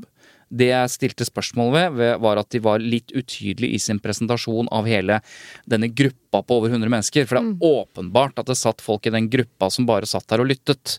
Og ikke noe, som ikke hadde de samme meningene og holdningene og alt sånt. Det syns jeg var litt eh, liksom Det burde kommet litt sånn tydeligere Ikke bare litt, syns jeg. Ja, ja, det er jeg helt enig i. Men eh, jeg har da eh, i hvert fall fått høre, eh, og dette er kanskje dumt av meg å si på en sånn, i en sånn presseetisk Flere podkast uavhengige kilder bekrefter at jeg kan i hvert fall si at jeg vet at det har blitt sagt ting i den gruppa som er mye drøyere og mye verre enn det som har kommet fram. Så jeg, de skal sitte litt rolig, den gjengen der. At, eh, og jeg kan si det rett ut, jeg syns par av de folka, måten de opptrer på, snakker på om andre mennesker, syns det er helt forkastelig. Ja, ja. Jeg syns gjengen men- er Nei, jeg tror ikke jeg skal fortsette der. Men Nei. i hvert fall. Ro deg ned nå. Nei, men eh, det er jo det at eh, det, det skjer jo veldig mange andre steder også. Så det jeg reagerer på, er jo den beskrivelsen av et hemmelig nettverk som jo, og en lukket gruppe og sånn. Det, altså, det, er det fins jo ikke noe feed på WhatsApp, så du må jo på en måte Det må må være jo- hemmelig. du, du må jo bli godkjent inn i gruppa. Du, Ja, kan ikke bare Dette er jo tabloide og- virkemidler. Man kan kalle noe som ikke er kjent for alle, det kalles ofte hemmelig. Ja. Og det er, det er jo å dra Men, det men igjen langt. så er mitt tips, uten at jeg veit, at jeg har visst om det lenge, så har jeg enten bare begynt å jobbe med det litt ekstra, eller litt tilfeldig at noen har fått tilgang. Og så har jeg gått inn, sant? og så har jeg jobba med det, og publisert når det var ferdig. Ja, Det vil overraske meg veldig hvis det var liksom bevisst gjort nå, da. Og så må vi ikke glemme at det er noe som heter nyhetsknagg i journalistikken. Altså, det er jo relevant. Ja, det er et godt poeng. Ikke sant? Og relevant å, å, å skrive med en sak der noen prøver i en gruppe. Og liksom, hva gjør vi nå? Nå er vi desperate før valget. Vi må få Senterpartiet til å bli større. Det er jo det aktuelt før valget, og ikke etter valget. I motsetning til den saken om den stortingsleiligheten, som er like aktuell etter valget, for så vidt. Så det er to ulike vurderinger. Den ene mener jeg har en nyhetsknagg før valget. Den andre var litt dumt for Ropstad selv at kom rett før valget, fordi der dreier det seg om ganske få stemmer. Skal jeg fortelle noe morsomt? Ja, gjør det. Jeg tror jeg var med i en tidlig vari variant av den gruppa. Det er derfor du sitter og er litt kritisk til Nei, altså, det bare slo meg når den saken her kom, at, eh, fordi at eh, Spetalen satt jo i PFU en liten stund. Ja. Eh, og jeg husker at jeg havna inn i en eller sånn mailtråd som jeg ikke skjønte hva var. Mail eller WhatsApp? Nei, Nå må du skille mellom mellom Det plattformer var her. mail, men dette starta jo på SMS. Ja, for det er lenge siden. Nei, men jeg har jo også lest at det de skriver om nå, Ja. det begynte som en SMS-tråd, og så flytta de seg over. Men det var en mail med masse sterke meninger fra Spetalen, som gikk til masse folk, eh, åpent eh, sånn. Og jeg skjønte ikke hva jeg gjorde på den lista, og var vel bare med i et par dager, og så hørte jeg ikke noe mer, da. Men eh, så jeg kommer kanskje i DN til slutt, jeg òg. Det ser jeg veldig fram til, eh, Eva. Du, jeg har lyst til å bare ta en annen uh, sak også. Vi var så vidt inne på det. Vi har fått noen spørsmål rundt dette med Det var et, tror jeg, et VG-oppslag, eller i hvert fall et oppslag, som viste på en måte teamet rundt Støre. Ja, teamet rundt Altså at uh, de som jobber rundt partilederne. Det er jo en svær gjeng, ikke sant? Og så slo det meg, der er det jo tidligere veldig dyktige journalister som er. Både på statsministerens kontor og, og, og, og på, i Stortinget. Og så snakket vi om politiske journalister, og du sa det. Det er ikke så mange av dem. Altså, det er ikke så veldig mange journalister per medium som sitter i Stortinget og jobber med politikk. Det er faktisk flere rådgivere enn det er journalister. Eh, og det er sånn Man kan ta den store debatten. Er det et demokratisk problem? Vel, det er i hvert fall interessant å se så mange dyktige folk som velger å gå fra journalistikken og over. Nå snakker jeg ikke om meg selv. Hva syns du? Nei, det, altså det, det er et godt poeng. Eh, altså, summen av folk som jobber med kommunikasjon på avsendersida, og det gjelder ikke bare politikk, det gjelder jo òg departementer, for ikke å snakke om privat sektor, tenker Equinor, jeg vet ikke hvor mange som jobber med det der, er, har blitt veldig stor eh, i forhold til mengden journalis journalister. Ja. Det klart det, det legges enorme mengder arbeid ned i på en måte å påvirke kommunikasjon. Er det et stort problem? Vel, altså, jeg drar litt på det. Eh, det, liksom, det ligger nok i det maktbalansen, maktforholdet, som du kan se på. At, at mange som har vært journalister, så jobber med andre ting i kommunikasjon, som dere, altså, mm. det er dere eller mange andre, det, altså, de overgangene er ikke jeg så veldig kritisk til. Jeg, jeg mener det er naturlig at folk liksom bytter sted å jobbe og tar kompetansen sin ulike steder. Mm. kanskje er jeg liksom for ukritisk fordi at jeg har jobba i politikk tidligere og sett det, men jeg, jeg, og jeg kan òg forstå at særlig teamene rundt partileder, og der skiller partilederfunksjonen seg veldig fra en vanlige politikere på Stortinget. Ja, for der er det ikke så mye hjelp Nei, få. nei, få. det, det er veldig Nei, men det er enormt Det er, lite, det er veldig lite sammenlignbart. Vanlige stortingsrepresentant, hvis du er så, så, ja, nummer fire på en komité fra Arbeiderpartiet, så har du ikke masse kommunikasjonsrådgivning. Partiledere har mange mennesker rundt seg, men òg et enormt trykk. For husk at journalistikken, selv om redaksjoner er små, så er antall flater politikere forholdt seg til, eh, blitt mange, mange flere i løpet av ti år. Eh, det fins ikke lenger en sånn dag, og så er det deadline halv fire, og så er du ferdig. Sant? Eh, mediedagen går fra tidlig morgen Ja. til sent kveld. Eh, og i tillegg til vanlige medier har du sosiale medier osv. Hva tenker du, Eva, om, om dette disse, Vi jobber med kommunikasjon til vanlig. Det er masse folk som er dritsmarte, jobber med kommunikasjon, som Bård Vegar sier, på avsendersiden. Og det er få politiske journalister, i hvert fall få erfarne, som forstår dette spillet. Nei, det er jo ikke helt bra. Det er ikke bra? Nei. Nei, Jeg vet ikke. Altså, jeg, Altså, jeg sier jo det fordi at eh, hvis det er få politiske journalister som er flinke, så blir det jo litt for lite av de sakene som skriver om politikk på en dyptgående og god måte. Eh, Og ergo så er mitt inntrykk da at eh, det blir mye såkalt politisk journalistikk som bare er sånn tabloid, eh, meningsløs journalistikk. Og det syns jeg jo Jeg vet ikke hvor stor prosentandel nå om dagen, jeg. Jeg syns Altså, det meste er ganske uinteressant. Hvis jeg skulle sagt det som jeg syns har så er det heller kanskje en mengden på avsendersida, så er det at kvaliteten på den politiske journalistikken opprettholdes eller styrkes på noen ting. Mm. Og der tenker jeg at det, det er mange dyktige politiske journalister som kan spille og liksom, liksom politikksystemet. Mm. Eh, og så er det gravejournalistikk blitt prioritert og blitt bra i en del av de store mediene. Ja, virkelig. Men det er òg en del med dårlig tid og korte frister og overfladisk journalistikk. Altså, jeg har vært veldig borti veldig masse der, jeg, der du ringer eller du blir intervjua, så er det, altså, det er bare ingen kritiske spørsmål. Og jeg, det er så lett å vite hvilke spørsmål jeg skulle ha stilt deg. sant? Og så bare Hallo, gjør Hvorfor liksom bare spør nå, da, i det minste? Jeg har jo forberedt svar, og så er det ingen spørsmål. Og, og, men der er det kanskje en det, det jeg kan savne litt, hvis jeg skulle peke på en ting, er det der at det er òg veldig mange dyktige saksjournalister Altså det er dyktige journalister som kan klima eller utdanning eller helse. Eh, og de jobber ofte med de temaene, og setter seg inn i det, skriver kjempegode saker, men ofte ikke de samme som ja, Det er kanskje intervjuer statsråden og sånn, men ofte som er i det politiske systemet og intervjuer til daglig. Så at, at mer av den saksjournalistikken ble brukt på politikk det Som handler om hvordan jeg- skolen har utviklet Ja. seg, hva vi skal gjøre videre, altså de store spørsmålene, istedenfor spill. Ja, altså politiske det, spillet. jeg, jeg, jeg savner at det er mer dominerende. Det skjer selvsagt, men at det, det preger ofte ikke valgkampen. Hva syns du om spørsmålet fra en journalist 'Kan du garantere?' Prikk, prikk, prikk. Det er eh, det, altså det, At det er mangel på fantasi, liksom? Eller sant? Ja. det er bare sånn du har hørt et eller annet? Ja, men hva er det de vil få ut av det? Ja. Altså, hadde vi vært uh, i, på 60-tallet, Mm. liksom, hvor det var mulig å faktisk garantere at vi får flertall, så vi kan si at vinner vi, så blir det sånn. Altså, det er et Men nå vet jo alle at det ikke går an å garantere, fordi man skal inn i forhandlinger med masse partier. Jeg forstår ikke at de fortsetter med det. Nei. Hører du det, Astrid Randen? Du må slutte med det der kan du gå Nei da. Men også, eh, jeg har bare lyst til å si grunnen til at jeg ikke er bekymra for at det er mange flinke, dyktige kommunikasjonsrådgivere eller strategiske rådgivere rundt eh, partiledere, kontra et par gode journalister som skal på en måte Du kan ikke ta de to mot de fem. Og rett og slett fordi at det du merker når det går fra journalistikk til kommunikasjon, er at du mister makt. Og det er så veldig merkbart. Altså, jeg hadde mer makt da jeg var 23 år gammel journalist i TV 2-nyhetene, enn som jeg er 47 år gammel kommunikasjonsrådgiver for masse selskaper. Hvorfor det? Jo, fordi mye skumlere å møte han 23-åringen som kan lage svære journalistiske saker. Altså, jeg hadde jo hele Altså, jeg hadde milliardselskap på nakken som truet med søksmål for en reportasje jo, Da blir jeg livredd, selvfølgelig, men altså Makten du har som journalist til å stille kritiske spørsmål, til å sette søkelys på noe, er jo utrolig mye sterkere enn en kommunikasjonsrådgivers forsøk på å få den journalisten til å Kan ikke du gjøre liksom, Kan ikke du skrive om dette her, for å sette det litt på spissen? Det Så det maktforholdet mellom en journalist og en kommunikasjonsrådgiver, det er skeivt. Så kan man selvfølgelig nyansere det ved å si at du kan jo bli manipulert eller lurt, eller, eller du kan eh, ja, jobbes med på, på, sånn at kommunikasjonsrådgiverne til partilederne får det som de vil etter hvert.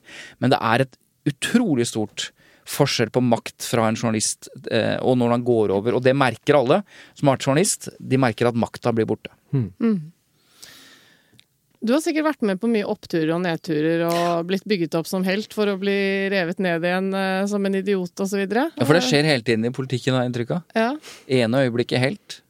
Andre øyeblikket monster. Taper. Har du noen historier? Altså, det, det, det er jo den Noe av det rareste med valgkamper, eh, det er det der at det, eh, at det kan føles som om Altså, hvis, hvis du er i flyten, så er det som å gå på vannet, liksom. Alt bare Altså, det, det, sant, det er som en rus, liksom, gå gjennom valgkampen. Alle steder er det bare smil og lykkeønskninger, og, og sjøltilliten liksom bare vokser ut av deg, og det er sånn enorm opplevelse, på en måte. Ja. Og så og, og motsatt, de, de valgkampene som jeg var med på, i hvert fall én av, da, der det bare liksom raste. Og det er så vondt. Det, jeg husker jeg skulle kunne våkne ti, for tidlig på morgenen, bare grue meg til dagens dårlige måling. Ja. Og, og, og det var liksom sånn, sant I den gode valgkampen, hvis du er interv- intervjua på radioen og snubler litt i orda, så, får du liksom, så blir du utrodusert som sånn Sånn, sa en eh, eh, sjarmerende Bård Vegar Solhjell, liksom. Eller sa en, sa en smilende, det er liksom morgenglad Bård Vegar Solhjell. Og hvis du snubla i ordet den andre, så var det jo sånn Sa en nervøs, eller sa en stresset mm. Altså sånn, For det, all, alle adjektivene, alle bildene, alt blir liksom bare del av historien. Eh, og det er jo sånn Det er jo veldig Det, det er meningsmåling og stemning som alt, sant, og en enorm journalistikken rundt det som, som følger det. Og det er kanskje blant det jeg husker både som Altså de oppturene Det er noe av det jeg husker best, hvor gøy de valgkampene eller særlig den ene der bare alt ble til gull. Men også hvor tøft det var, liksom, når det gikk dårlig. Det, Men alle disse meningsmålingene de styrer jo veldig mye av det du beskriver nå. da. Mm, Det må jo ha vært veldig. litt sånn det var i et par uker for Vedum. At det, det eneste han ble spurt om, var jo hva han følte om at det var så dårlig. Altså Vedum, ja, bare sånn, Vedum har opplevd det som Jonas Gahr Støre har opplevd over lang tid. Altså Ja. Gå fra å være altså helt sånn hvor journalister helt uten blygsel roset han opp i skyene, og det var Super-Jonas utenriksminister, til å bli helt evneveik partileder for Arbeiderpartiet. Det har gått over tid.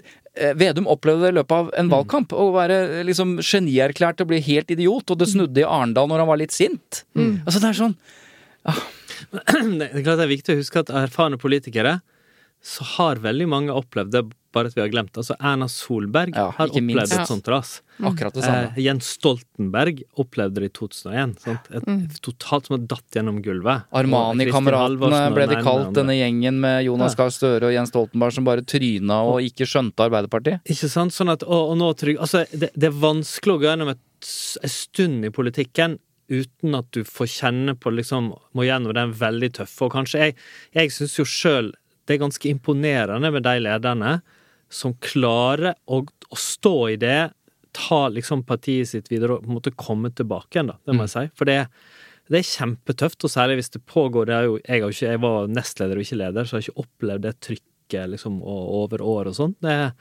enormt imponerende. Og, og Trygve Slagsvold Vedum, nå har jeg tenkt på så, Hvis det nå har på en måte flata litt ut, da, så er det liksom Så er det òg noe imponerende i det. Jeg tror mange tenkte at det her kan nå kan det bare rase utfor inn, liksom. Og det, og det, det å sitte der liksom før partilederdebatten på fredag og, bare, og liksom bare føle at det er bare på vei liksom utfor, det er så Og når det står så mye på spill også. Jeg har bare lyst til å legge til at eh, ja, Nå snakker vi om politikk, men dette er jo Dette er jo journalistikkens dynamikk. Historiefortellingens dynamikk. Ja, det det. Bygge opp, rive ned. Ikke fordi journalister er ondskapsfulle, men det er et eller annet med, med, med folk også. Vi liker jo våre helter, og hvis de er helter litt for lenge, så nei, ikke så mye helt lenger, så de, og så går de ned. Så dette er jo en del av hele historiefortellingsdynamikken, da, eller i hvert fall eh, dramaturgien i, i fortellinger, som jo skjer hele tiden. Og det er ganske Men noen ganger blir det Men det er jo ikke Altså, jeg skjønner hva du mener, men det er jo ikke nødvendigvis eh, en redaksjon sin jobb å, å lage de fortellingene som om det var Nei. en dramahistorie. Nei, men så kynisk er det heller ikke. Det er bare at eh, når vi har hatt helter litt for lenge, Ja. så begynner vi å leite etter Kan det være det sånn at Jonas? Gahr Støre er Ja. en supermann? Nei, det viser seg at han ikke er det. Og da er, griper vi begjærlig også det som kontrasterer det bildet vi har hatt. Altså, Mm. Ja det er det jeg mener. Jeg, vi sitter ikke og regisserer sånn Nå skal vi bygge opp. Han er der, han skal vi bygge opp en periode, og skal vi fanke meg Ja, i men det er. Det er sånn- det man kan sitte og tro på utsida. Det er jo ikke så beregna, men, men jeg er likevel litt enig med Eva det at det, det har fått en så dominerende plass i sum, da. Ja, jo, det er det, for det første så er det enormt mange meningsmålinger blir tatt opp i løpet av en valgkamp. Og, og jeg er jo Det er jo informasjon. Jeg er ikke for å begrense eller noe sånt. Men, men jeg har ofte undra meg over skal alle mediene i flere runder skrive den samme historien om den samme trenden liksom i to uker? Ja, men det som, er, det som er nytt nå, er jo, hvis man også hører på podkaster i tillegg, så er det veldig mye prat om at det, det, vi kan jo egentlig ikke stole på disse målingene. Og så Ja. prater de om hvor, øh, hvor liksom, lite sikkert det er. Så jeg føler det blir sånn metadebatt Mm. om debatten om meningsmålinger. Veldig mye veldig mye Og så blir det prat. sjølforsterkende. Det var Ja. liksom Historien skaper historien, Ja. på en måte. Jeg har en beskjed til, eh, til bordet. Ja. Og det er at selv om ikke du er eh, politiker og må løpe til en ny eh, debatt, eh, Bård Vegar, så har du gått to minutter over den tida du hadde til oss. Så jeg skal på vegne av Tut-redaksjonen ønske deg eh, vel hjem, eh, fordi du må nå gå. Så vi Jeg har, jeg har et siste spørsmål. Ja, da må du være kjapp. for vi har- Veldig, veldig bra med sånn service. Ja, vær så god. Nå, nå skal du Ja. få lov til å Et gå fra studio. spørsmål, får vi se. Hva skal du stemme på mandag? Det er hemmelig valg. Men jeg er, jeg er medlem av det samme partiet jeg har eh, vært hele tida. Og, ja. og, og, og det får jeg lov til selv om jeg er embetsmann. Men jeg, jeg har helt slutta å være politisk aktiv. Det er liksom en del av pakka. En liten hemmelighet. Altså, folk som har bekjent seg til et parti, er medlem av et parti, de stemmer alltid på det partiet ved stortingsvalg. Sier du det, ja? Ved stortingsvalg. Det er ikke noe dårlig tips. Ved lokalvalg. Så du vingler det litt mer? Ja, da har jeg opplevd både den ene og andre har stemt litt annerledes enn faktisk det partiet man er medlem av. Mm. Fordi der er det helt andre typer forhold, og det er kanskje folk på lista som man helst ikke vil ha inn i kommunestyret, som selv om de er medlem av samme parti. Og det kan være andre som du virkelig har lyst til å ta del. Mm. Så jeg tror at jeg kan snakke på fleres vegne eh, når man har stemt litt annerledes ved kommunevalg enn ved stortingsvalg. Mm. Mitt tips Bård Vegar Solhjell stemmer SV denne gangen. Og med de ordene så takker jeg for meg. ja. ikke det det man skal si? Tusen takk for at du kom. hjem. Det var veldig hyggelig å være med. Ha det fint. Det var hyggelig, da. Ja, ja, Kjempehyggelig. Jeg tenkte litt på eh, det der med hvem som stemmer hva og sånn. Det, jeg hørte på VGs kommentatorer eh, i deres podkast her, og, og da begynte de å snakke om hva de skulle stemme. Ja. For det er ikke så ofte. ikke sant? Alle driver og snakker om at eh, de Hemmelig stemmer valg. rødt og grønt, og de er på venstresida og sånn og sånn. Eh, Men så var de sånn overraskende sånn ærlige på at eh, de var jammen ikke sikre, hadde ikke helt bestemt seg, og, og det var vanskelig, og begynte å snakke om at eh, det, det er en journalist, hvem var det igjen? Han, ja, som, som har skrevet mange ganger at nei, jeg pleier bare å trekke lodd, det er rett før valget. Det virker jo helt idiotisk, da. Men, Ja. men jeg syns det var litt artig å høre på at de er såpass de, har, ikke, jeg ikke, har liksom ikke noen politisk holdning som er sånn kjempetydelig og Nei. etablert. De, Jeg jeg begge to innrømmet at de har vingla i de siste Ja, det er, og det er fair, eh, men de fleste journalister de lander på venstre, for da gjør det på en måte ikke så mye gærent. Ja, men Anders Giæver sa at det var det han fikk i, i Valgomaten. valgomatene sine. Men, det, men så var det andre ting, og virka som det, det kunne man jo ikke. liksom. Nei, men Det er veldig mange journalister som ender på KrF, men de kommer aldri til å stemme på KrF. Ja. Valgomaten er jeg tror, Manipulert for KrF, Altså, det kan jeg bekrefte. Jeg har en teori. At det sitter noen hackere i KrF-systemet som har manipulert alle valgomater, som gjør at hvis du, hvis du er usikker, så blir du Jeg KrF-velger. tror det var eh, sånn frem til dette valget. Nå har alle valgomatene blitt mye bedre. Og det, vil jeg også, det mener jeg også, for Ja. eh, når du nå tar dem, jeg har bare tatt én i år, men eh, så lærer du litt. De har lagt inn litt mer informasjon om hva de forskjellige mener, så det er kanskje der jeg har lært mest om politikk under dette valget. Jeg tar ikke valgomater, jeg vet hva jeg stemmer. Sier du det? ja?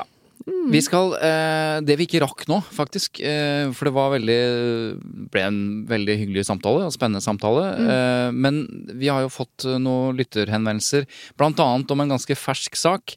Eh, det var altså eh, noen som reagerte voldsomt på Dagbladets front. Vi er tilbake på Dagbladets front. Mm. rett etter partilederdebatten. For der sto følgende overskrift. Eh, en klar Nei, første overskriften var 'Alt i gult og svart'. Mm. Får terningkast én bilde av Ropstad. Mm. Rett under 'En klar taper' samme, om samme mann. Ny sak. Han, her vrir han seg unna. Mm. Og en sak til. Nekter å svare. Det er jo litt sånn som Bård Vegar var innom, da. At, uh... Ja, her går alt gærent. ja. Men det er altså én, to, tre, fire Altså fire saker i toppen av Dagbladet. Separate saker. Det er kanskje det Om noen en- vil kalle kampanjejournalistikk, selv om det ikke er det. Altså. Men jeg tror det er det mange tenker at det er kampanjejournalistikk. En, en journalist som skrev på Facebook Dagbladet har visst ikke fått med seg eh, at det var andre partiledere enn Ropstad i partilederdebatten i kveld. Dette, dette var voldsomt, over grensa, eh, sier, sier hun. Og det er flere som slenger seg på, og Medie24 har lagd en sak der det er mange som, eller flere som sier at dette her er slags mobbing, da, langt over grensa. til de personfokuserer så voldsomt på at han er taper, terningkast én, og vrir seg unna. Og så, ehm, og så skriver eh, Kristin Clemet eh, i full offentlighet at Dagbladet markedsfører seg som en slags feministavis, men avstanden mellom liv og lære er så enorm at man må gni seg i øynene. Dagbladet ennå er noe av det verste som er mulig å oppdrive i norsk presse. Det er ganske. Ja, det er ganske drøyt. Ehm, Men det jeg Og jeg tenker, ja ja, vi har ergret oss over Dagbladet. Jeg også mener dette var eh, over the top. Eh, men det var helt legitimt å lage saker på at han vrir seg unna spørsmålet, eh, dette viktige spørsmålet. Han, han nekter å svare på om han er for eller mot selvbestemt abort. Vi vet jo svaret, men han vil ikke svare. Men jeg syns også hele liksom, den layouten og hele, hele liksom, fire saker om én og taper osv. Det jeg reagerer på, hva tror du det er? Det er svaret fra Dagbladet. Ja. Jeg har ikke sett det svaret, så Nei. Gleder jeg meg til å høre. Fordi svaret fra Dagbladet er det vi kaller en vanvittig stor stråmann. Altså, på kritikken så svarer Frode Hansen, nyhetsredaktør, vi beveger oss i en farlig demokratisk retning om mediene ikke kan sette søkelys på at politikere i regjering med stor innflytelse og påvirkningskraft nekter å svare på et så betent og viktig verdispørsmål. Han later som noen har ment at det bare er Dagbladets fokus på at han ikke svarer, som er kritikkverdig av Dagbladet. Det er jo ikke det de reagerer på. De reagerer på at fire saker handler om Ropstad, at han er en taper og terningkast én. Men han svarer konsekvent bare på at ikke sant? At, det- at det er vår oppgave å sette søkelys på at de ikke svarer på viktige verdispørsmål.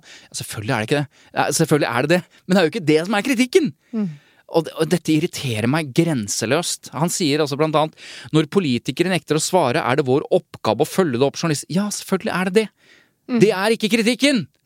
Altså, er det, er det bare jeg som bare Det er så synlig, da. Nei, Det er bare jeg som har tatt beroligende midler nå, så Ja, jeg bare Nei, men eh, Så får han, jeg må bare avslutte, så får han oppfølgingsspørsmål. Men Aalborg kritiserer jo massiviteten i oppslagene. Ikke, opp, ikke sakene hver for seg. Det er vel to forskjellige ting. Sier en oppvakt journalist i Medie24. Mm. Ja, men kritikken handler vel om at vi har mange saker om samme tema. Da kan man jo synes å tro at Aalborg, da, som kritis, kritiserer dette, mener det er problematisk at pressen avkrever svar fra politikerne. Nei! Hun mener ikke det heller! Nei. Altså, for pokker. Nei, Frode, jeg ringer deg opp igjen en annen gang for å snakke om dette her, men jeg gidder ikke å ringe deg opp for å få tilsvar akkurat nå. Nei. Men Greit. eh, apropos mobbing Ja. av politikere i pressens spalter. eh, Jeg har lyst til å høre hva du mener om eh, dette som Aftenpostens kommentator Kjetil Alstaheim skrev under taggen 'skisse'. ja. Eh, og dette er nok litt sånn medienerdete, for at uh, jeg tror nok kanskje at uh, de aller fleste som leser avisa, ikke er så opptatt av hva som er hva, hvilken sjanger og sånn. Noe er en kommentar, noe er en artikkel, og, så folk har jo ganske grei oversikt over det. Men det kan være litt forvirrende, absolutt. Men det han da kaller skisse, det er det enkelte som og kanskje spesielt pressefolk som problematiserer, fordi at de sier det er en sånn sjanger som jeg ikke helt forstår, jeg får ikke grep på det. Jeg mener noen, da. Eh, Er det harselas? Er det sarkasme? Er det ironi? Er det en kommentar? Er det en reportasje? Fordi eh, kommentator Kjetil Alstaheim da er med til Stavanger når Lan Marie Berg er på besøk der. Stemmer. Og så observerer han eh, hva hun sier, hva hun spør om, eh, ting hun gjør som, som han harselerer. Det er vel riktig ord da, litt over i den teksten sin. Ja. Som er en blanding av en beskrivelse av scenen hvor han er til stede, med replikker og, og liksom, dialog og sitater fra Lan Marie Berg og sånn.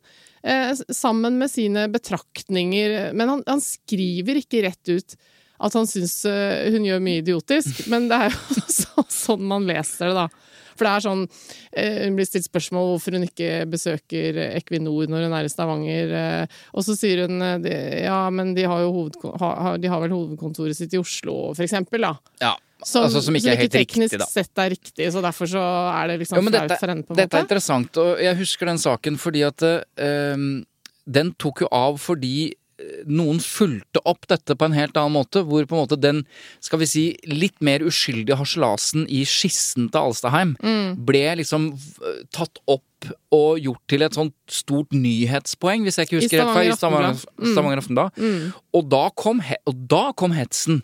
For alle forst det er ikke alle disse nettrollene eller disse voldsomme MDG-haterne som forstår helt skissen til Alstaheim. Men de forsto Stavanger Aftenblad da de skrev alt det rare de mente hun gjorde. Og da ble det liksom en, en massiv mobbing og hets, som hun i og for seg er vant til. Da ble det gærent.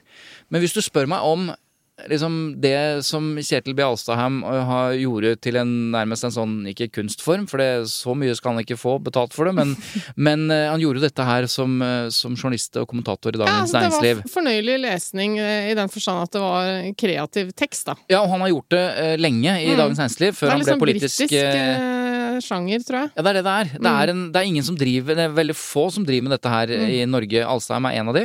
Og det er som du sier, det er litt vrient når det er en Dette er en, ja, en britisk eh, eh, fortellergrep, da, eller tradisjon, som jo vi bruker litt tid på å forstå. Når han gjør det ordentlig bra, så skjønner alle eh, grepene. Når han gjør det litt mer eh, Han gjør dette ofte, sånn at det er jo ikke alltid det, det er like vellykket. Da kan det virke, da kan det virke som i vår krenkelsestid, da. Ja. Som mobbing eller harselas. Ja, det er det. Men eh, det som slo meg da jeg leste det, var at d- karikaturtegningen Den føler jeg at gjør den samme jobben Mm. i tegning Ja. som Alstaheims tekst gjorde i tekstform. På sett og vis. At han tar seg friheten til å harselere og bruke humor og litt sånn, ja. Jeg syns det er forfriskende. Ja, jeg også. Ok. Vi legger den ut på Facebooken vår for de som ikke har lest den ennå. Ja, Og så kan vi også lenke til de sakene hvor det ikke var forfriskende. Ja, hvor det bare ble, det ble Da ble det dritt, liksom. Mm. Ok. Da er vi vel eh, ved veis ende. Eh, vi, vi skal ha snakket om politikk og politisk journalistikk. Vi har hatt gjest. Er det noe vi bør huske nå før eh, valget? Det vil si, det kan hende noen hører denne podkasten etter valget, men Ja, for oss altså, er det jo før Jeg vil valget. kun si én ting, og Ja. det er å gjøre din plikt. Ja. Gå og stem. Vet du hva? Gjør det med andakt. Eh, hvis du ikke det er jo noen som har forhåndsstemt, da, men da syns jeg nesten du allikevel skal gå på valglokalet hvis du har tid. Jeg er så enig, og jeg må si at jeg ble nesten rørt på vei hit til podkaststudio i dag. Mm. Som den presten sier, på vei til kirken, så tenkte jeg for meg selv. og da tenkte jeg på sykkelen, når jeg kjørte forbi eh, et sånt eh, bitte lite, ikke veldig høytidelig stemmelokale, bare sånn forhåndsboks. Ja, sånn, uh, sånn Ja. utedo, holdt jeg på å si. Ja. Og da, eh, og da så jeg altså en vanvittig lang kø av folk Mm. som sto tålmodig. Køen strakk seg liksom rundt hushjørnet og nedover gata. Mm. Og dette er forhåndsstemming. Og der sto det unge mennesker og gamle mennesker i skjønn forening. Og da tenkte jeg sånn Vi leser jo mye om at ungdom ikke engasjerer seg, og at liksom mange hjemmesittere. Men der sto det pokker meg så mange mennesker, og jeg tenkte Der står de. Det ble litt rørt. Ja, jeg ble så det er så vakkert. demokratiet eh, i full blomst. Ja, det er, er akkurat det der. Så hvis vi kan ha en oppfordring eh, ut av den podkasten, så er det vel det. Har du ikke stemt, så gjør det. Og så skal jeg oppfordre alle som hører på oss, til å glede seg til årets viktigste meningsmåling, og den kommer klokka ni på mandag. Og du tenker resultatet. Det er resultatet, ja. Ja, for det, nå Det er jo en nå, meningsmåling. jo, men du, nå blandet du litt, for det, det som kommer klokka ni på mandag, det er det som heter valgdagsmåling. Valgdagsmålingen, ja. Og det er også en meningsmåling basert på hva de faktisk har gjort inne på stemmelokalet, og derfor er den mye mer presis. Det var poenget, så nå mansplaina du Eller kanskje Nei, jeg gjorde ikke det, for, Mm. for jeg har oppfattet deg som at det eneste som teller for deg, er selve opptellingen. Ikke valgdagsmålingen, men selve resultatet av valget. For det er 100% sikkert. Ja, du har jo litt rett i det, da. Ja. Det er jo det, når jeg tuller, så er det jo det jeg mener, da. Ja, det er det du mener. Så da løp eller gå eller, og stem, alle sammen. Én stemme, kanskje én, to-tre stemmer kan i enkelte tilfeller være utslagsgivende. Ja, én nå, faktisk, i teorien. I teorien kan det være en. Det kan være din. Det kan være din. Så gjør din plikt. Lyder Produksjoner har produsert eh, som vanlig eh, Tut og Mediekjør. Eh, takk til deg, Eva. Takk til deg, Svein Tore. Og takk til klipperen vår Simon. Takk til Atle, som hjelper oss med saker og research. Mhm. Og takk til hele verden. Sånn Ja. ellers. Takk for at dere fins. Vi høres. Takk, bloggen min. Ha det.